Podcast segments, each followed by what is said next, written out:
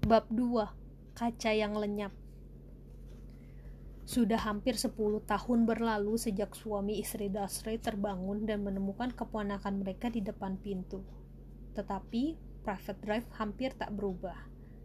Matahari terbit menyinari halaman-halaman depan yang rapih dan membuat berkilau angka empat dari kuningan di pintu depan rumah keluarga Dursley. Sinar matahari merayap ke dalam ruang keluarga mereka yang masih nyari sama dengan pada malam Tuan Dursley menonton berita penting tentang burung-burung hantu dulu. Hanya foto-foto di rak di atas perapian yang betul-betul menunjukkan beberapa berapa lama waktu telah berlalu. Sepuluh tahun yang lalu, ada banyak foto anak yang tampak seperti bola pantai besar merah jambu memakai topi yang warnanya berbeda-beda. Tetapi sekarang, Dudley Dursley sudah bukan bayi lagi, dan sekarang foto-foto itu menunjukkan anak gemuk berambut pirang menaiki sepeda roda tiga pertamanya, naik komedi putar, bermain komputer dengan ayahnya, dipeluk dan dicium ibunya. Dalam ruang itu sama sekali tidak ada tanda-tanda bahwa ada anak lain yang tinggal di rumah itu. Padahal Harry Potter masih di situ. Saat ini sedang tidur, tapi tak akan lama lagi bibinya, Petunia sudah bangun, dan suara nyaringnya lah yang pertama memecah kesunyian pagi itu. Bangun, bangun, cepat! Harry terbangun dengan kaget. Bibinya mengedor-ngedor pintu lagi. Bangun! Lengkingnya. Harry mendengarnya melangkah menuju dapur, lalu bunyi wajan yang diletakkan di atas kompor. Harry berguling terlentang lagi dan berusaha mengingat-ingat mimpinya yang terputus tadi. Mimpinya menyenangkan, ada motor terbang. Dia merasa pernah mimpi yang sama sebelumnya. Bibinya sudah kembali berada di depan pintu kamarnya. Kau sudah bangun belum? tuntutnya. Hampir, jawab Harry. Ayo cepat, aku mau kau menggoreng daging asap. Jangan sampai gosong. Aku ingin segalanya sempurna pada hari ulang tahun Dudley. Harry mengeluh. Apa katamu? Tidak, tidak apa-apa. Ulang tahun Dudley, bagaimana mungkin dia bisa lupa? Dengan enggan Harry turun dari tempat tidur dan mencari-cari kaos kaki. Ditemukannya sepasang di bawah tempat tidur, dan setelah menarik laba-laba di atas salah, di, di salah satu di antaranya, dipakainya kaos kaki itu. Harry harus terbiasa dengan laba-laba, karena lemari di bawah tangga penuh laba-laba, dan di situlah dia tidur. Setelah berpakaian, dia pergi ke dapur. Meja dapur nyaris tersembunyi di bawah tumpukan hadiah untuk Dudley. Tampak Dudley mendapatkan komputer baru yang diinginkannya, belum lagi televisi baru, dan sepeda balap. Kenapa percisnya Dudley ingin sepeda balap? Sungguh misteri bagi Harry. Karena Dudley gemuk dan benci olahraga. Kecuali, tentu saja, bentuk olahraganya adalah meninju orang lain. Kantong tinju favorit Dudley adalah Harry, tetapi Dudley jarang berhasil mengenainya. Harry memang tidak kelihatan gesit, tapi dia gesit sekali. Mungkin ada hubungannya dengan tinggal di dalam lemari yang gelap, tapi Harry termasuk kecil dan kurus untuk umurnya. Dia bahkan terlihat lebih kecil dan lebih kurus dari yang sesungguhnya, karena semua pakaiannya lungsuran Dudley, dan Dudley empat kali lebih besar daripadanya. Harry berwajah kurus, lututnya menonjol, rambutnya hitam, dan matanya hijau cermelang. Dia memakai kacamata bulat yang bingkainya dilek dilekatkan dengan banyak selotip karena seringnya Dudley memukul hidungnya. Satu-satunya yang disukai Harry pada penampilannya adalah bekas luka tipis pada dahinya yang berbentuk sambaran kilat. Sejauh yang dia ingat, dari dulu bekas luka itu sudah ada dan pertanyaan pertama yang seingatnya ditanyakan kepada Bibi Petunia adalah bagaimana dia mendapatkan bekas luka itu. Dalam kecelakaan waktu orang tuamu meninggal katanya. Jangan tanya-tanya lagi. Jangan tanya-tanya. Itulah peraturan pertama jika mau hidup tenang ber bersama keluarga Dursley. Paman Vernon masuk ketika Harry sedang membalik daging. Sisi rambutmu, perintahnya sebagai ucapan selamat paginya. Sekali seminggu, Paman Vernon memandang dari atas koran dan berteriak bahwa Harry harus potong rambut. Harry pastilah sudah potong rambut, lebih sering dibanding seluruh teman sekelasnya sekaligus. Tetapi sama saja, rambutnya tetap tumbuh begitu berantakan. Harry sedang menggoreng telur ketika Dudley muncul di dapur dengan ibunya. Dudley mirip sekali dengan paman Vernon. Wajahnya lebar dan merah jambu, lehernya pendek, matanya kecil, biru, berair. Rambutnya yang tebal pirang menempel rapih pada kepalanya yang gemuk. Bibi Petunia sering mengatakan bahwa Dudley kelihatan seperti bayi malaikat, sedangkan Harry sering mengatakan Dudley seperti babi pakai wig. Harry menaruh piring berisi daging dan telur ke atas meja. Ini susah, karena nyaris tak ada tempat. Dudley sementara itu menghitung hadiahnya. Wajahnya langsung cemberut. 36, katanya sambil memandang ayah dan ibunya. Kurang dua dibanding tahun lalu. Sayang, kau belum menghitung hadiah dari Bibi March. Lihat, ini dia di bawah hadiah dari Mami and Daddy. Baik, 37 kalau begitu kata Dudley yang wajahnya sudah merah. Harry sudah biasa.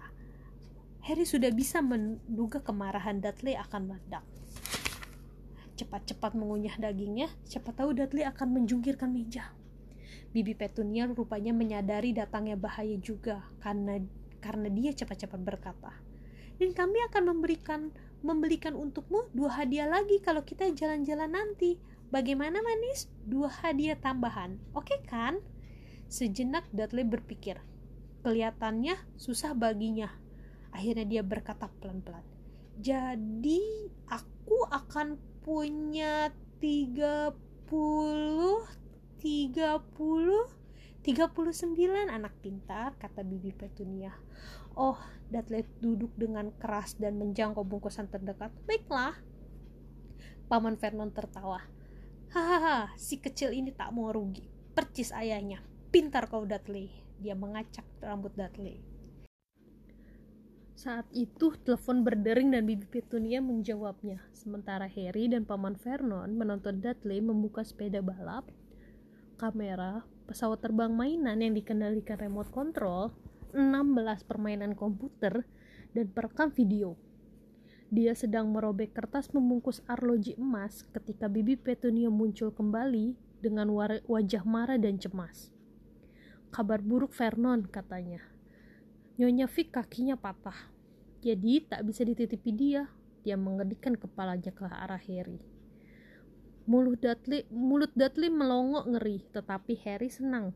Setiap tahun pada hari ulang tahun Dudley, orang tuanya mengajak Dudley dan seorang temannya jalan-jalan ke taman hiburan, kios hamburger, atau menonton bioskop.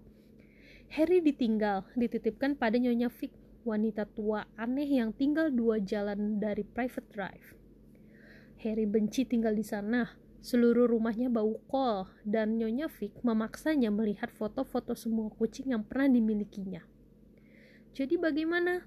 Tanya Bibi Petunia, memandang Harry dengan berang, seakan Harry yang merencanakan sakitnya Nyonya Vic. Harry tahu dia seharusnya kasihan Nyonya Vic kakinya patah, tetapi dia mengingatkan dirinya baru setahun lalu baru setahun lagi dia harus melihat foto Tibbles, Snowy, Mr. Paus, dan Tufty. Kita bisa menelpon March, Paman Vernon menyarankan. Jangan ngaco, Vernon. Dia kan benci anak itu. Keluarga Dursley sering membicarakan Harry seperti ini. Seakan anak ini tidak ada, atau lebih tepat lagi, seakan dia sesuatu yang sangat menjijikan, seperti bekicot. Hmm, bagaimana kalau siapa tuh temanmu uh, sedang berlibur di Majoska, tukas Bibi Petunia. Kalian bisa meninggalkan aku di sini? Harry mengusulkan penuh harap. Ia akan bisa menonton acara yang disukainya di televisi dan mungkin bahkan mencoba komputer Dudley. Bibi Petunia kelihatannya seperti tersedak telur. Dan kalau kami pulang nanti rumah sudah hancur geramnya. Aku tak akan meledakkan rumah, kata Harry, tetapi mereka tidak memperdulikannya. Kurasa kita bisa membawanya ke kebun binatang, kata Bibi Petunia pelan, dan meninggalkannya di mobil. Mobil kita baru, dia tidak boleh duduk sendirian. Dudley mulai menangis meraung-raung. Sebetulnya sih dia tidak betul-betul menangis. Sudah bertahun-tahun dia tidak menangis, tetapi dia tahu bahwa kalau dia mengerutkan mukanya dan meraung, ibunya akan mengabulkan semua yang diinginkannya. Dinky Dum Dindams, jangan menangis. Mami tak akan membiarkannya merusak hari istimewamu. Bibi Petunia berseru sambil memeluk Dudley. Aku tak mau dia ikut. Dudley menjerit di antara isak pura-puranya. Dia se selalu merusak acara. Dia menyeringai jahat ke arah Harry dari celah lengan ibunya. Saat itu bel pintu berbunyi. Ya ampun, mereka sudah datang, kata Bibi Petunia panik. Dan dalam sekejap kemudian, sahabat Dudley, Pierce Polkis, masuk bersama ibunya. Pierce adalah anak kurus dengan wajah seperti tikus.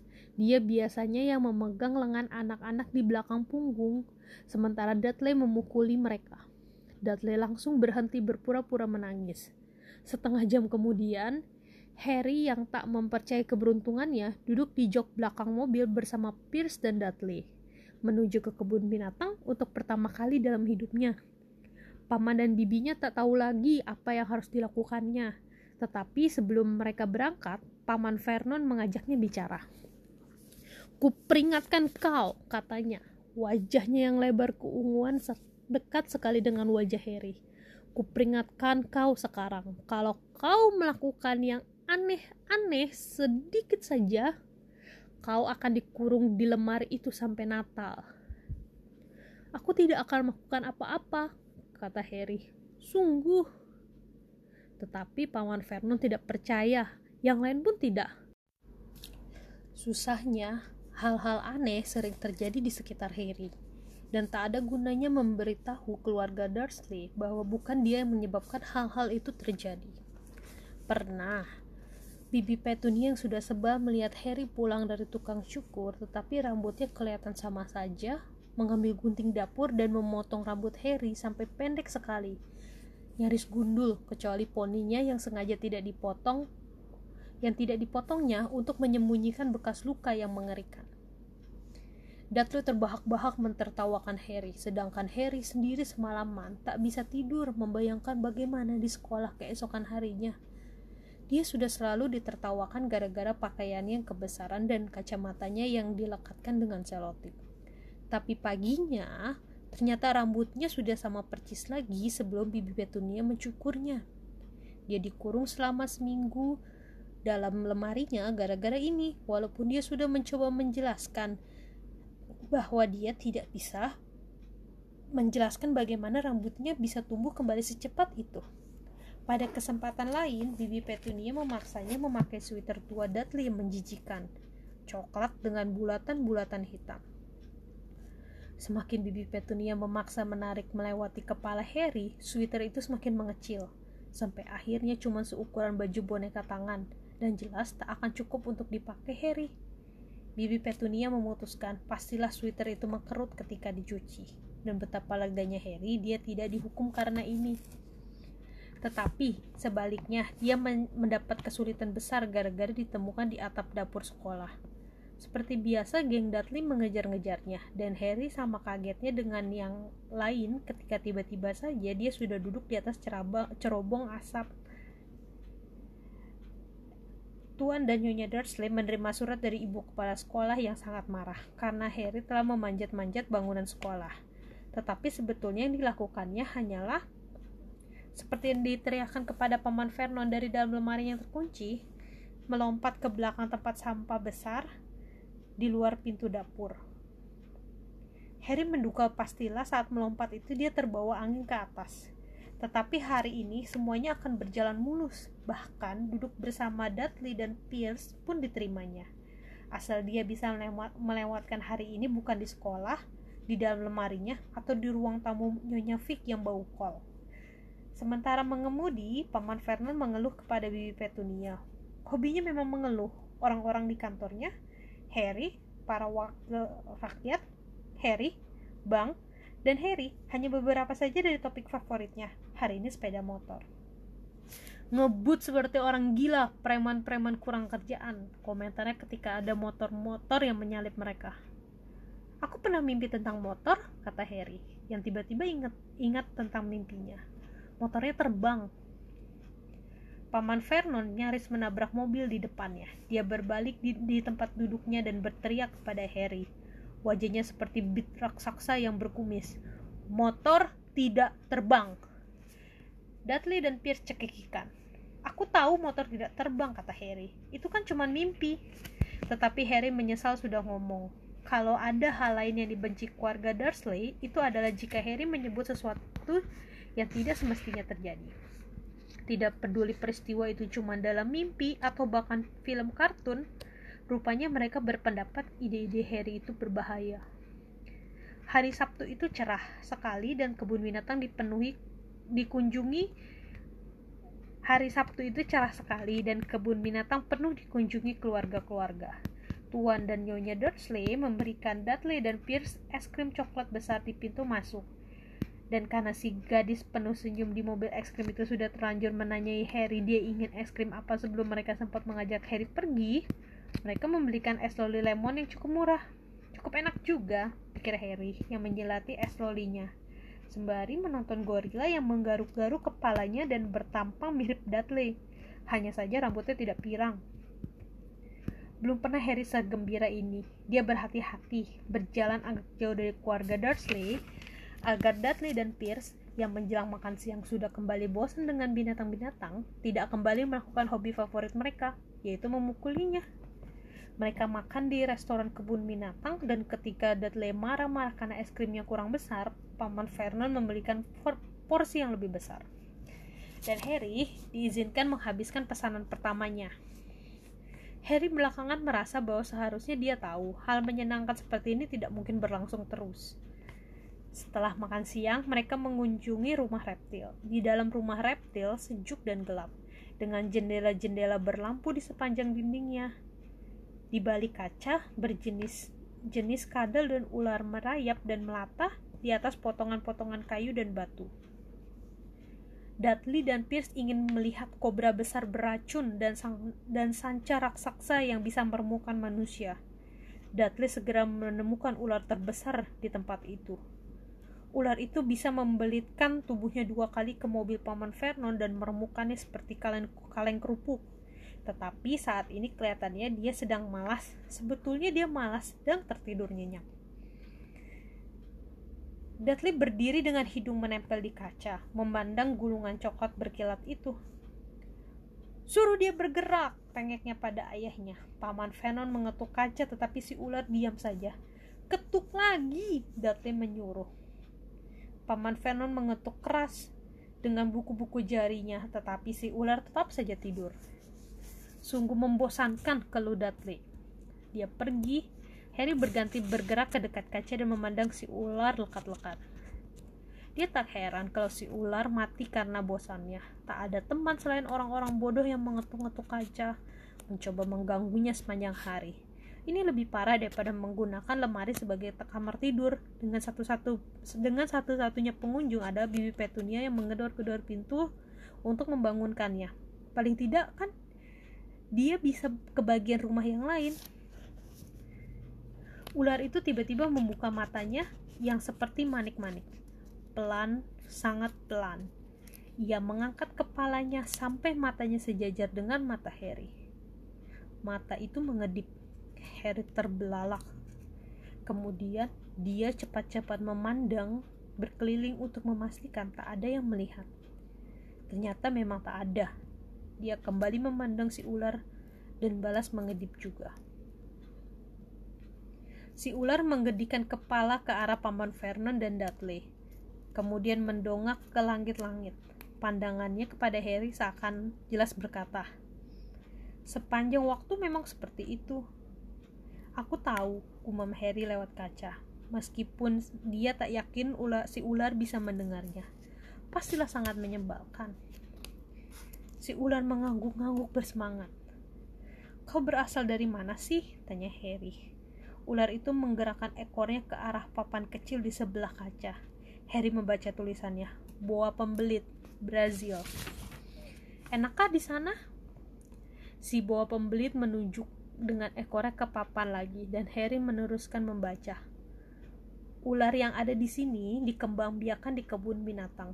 Oh begitu. Jadi kau belum pernah ke Brazil?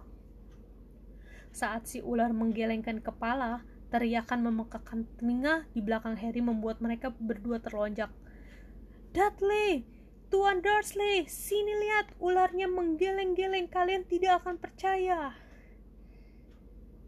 Dudley datang tergopoh-gopoh. Minggir kau, katanya sambil meninju dada Harry karena tak menyangka akan diserang Harry terjatuh di lantai beton. Apa yang terjadi berikutnya berlangsung begitu cepat sehingga tak ada yang melihat bagaimana terjadinya.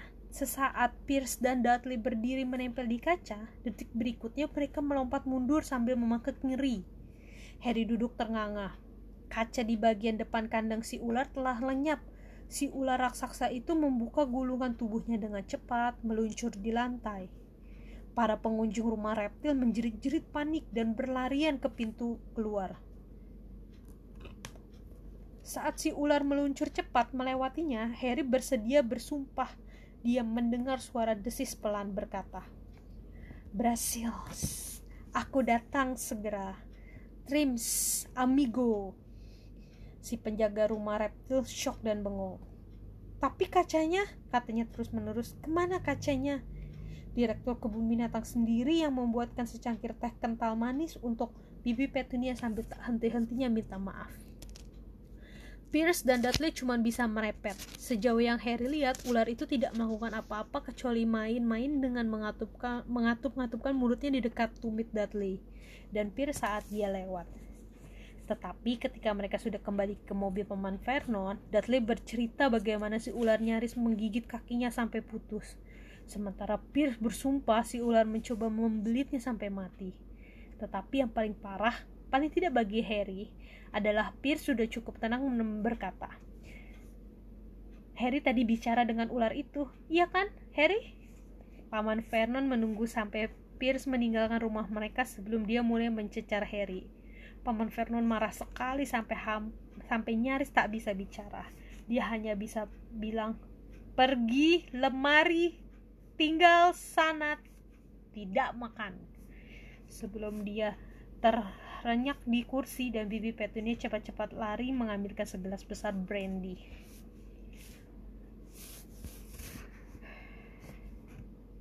Lama kemudian, Harry masih berbaring di kamar di dalam lemarinya yang gelap.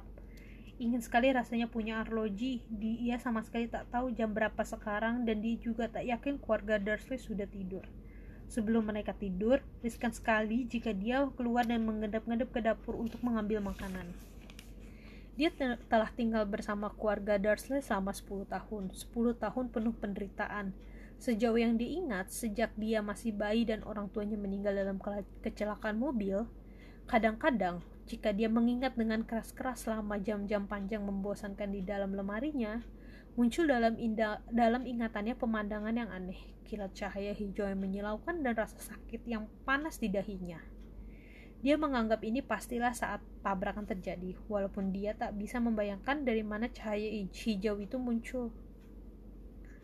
Dia sama sekali tak bisa mengingat orang tuanya. Paman dan bibinya tidak pernah bicara tentang mereka, dan tentu saja dia dilarang mengajukan pertanyaan. Tak ada foto orang tuanya di rumah keluarga Dursley. Waktu dia masih lebih kecil, Harry sering menghayalkan ada keluarga tak dikenal yang datang untuk membawanya pergi. Tetapi ini tak pernah terjadi keluarga Dursley adalah satu-satunya keluarganya. Meskipun demikian, kadang-kadang ia mengira atau berharap orang-orang asing di jalan mengenalnya. Dan mereka juga orang-orang asing yang sangat aneh. Pernah seorang laki-laki kecil memakai topi ungu membungkukkan ke, membungkuk kepadanya ketika dia sedang berbelanja dengan bibi Petunia dan Dudley. Setelah dengan marah menanyai Harry apakah dia kenal orang itu, Bibi Petunia buru-buru menggiring mereka keluar dari toko tanpa membeli apa pun. Seorang wanita tua bertampang liar dan berdandan serba hijau melambai dengan riang kepadanya dari bus. Seorang laki-laki botak memakai mantel panjang ungu bahkan menjabat tangannya di jalan kemarin dulu dan kemudian pergi begitu saja tanpa mengatakan apa-apa. Yang paling aneh tentang orang-orang ini adalah mereka tampaknya langsung lenyap begitu Harry ingin melihat lebih jelas. Di sekolah, Harry tak punya teman. Semua anak tahu bahwa geng Dudley membenci Harry Potter yang aneh karena pakaiannya karena pakaiannya karena pakaian bekasnya yang kebesaran dan kacamatanya yang bingkainya patah. Tak ada seorang pun berani menentang geng Dudley.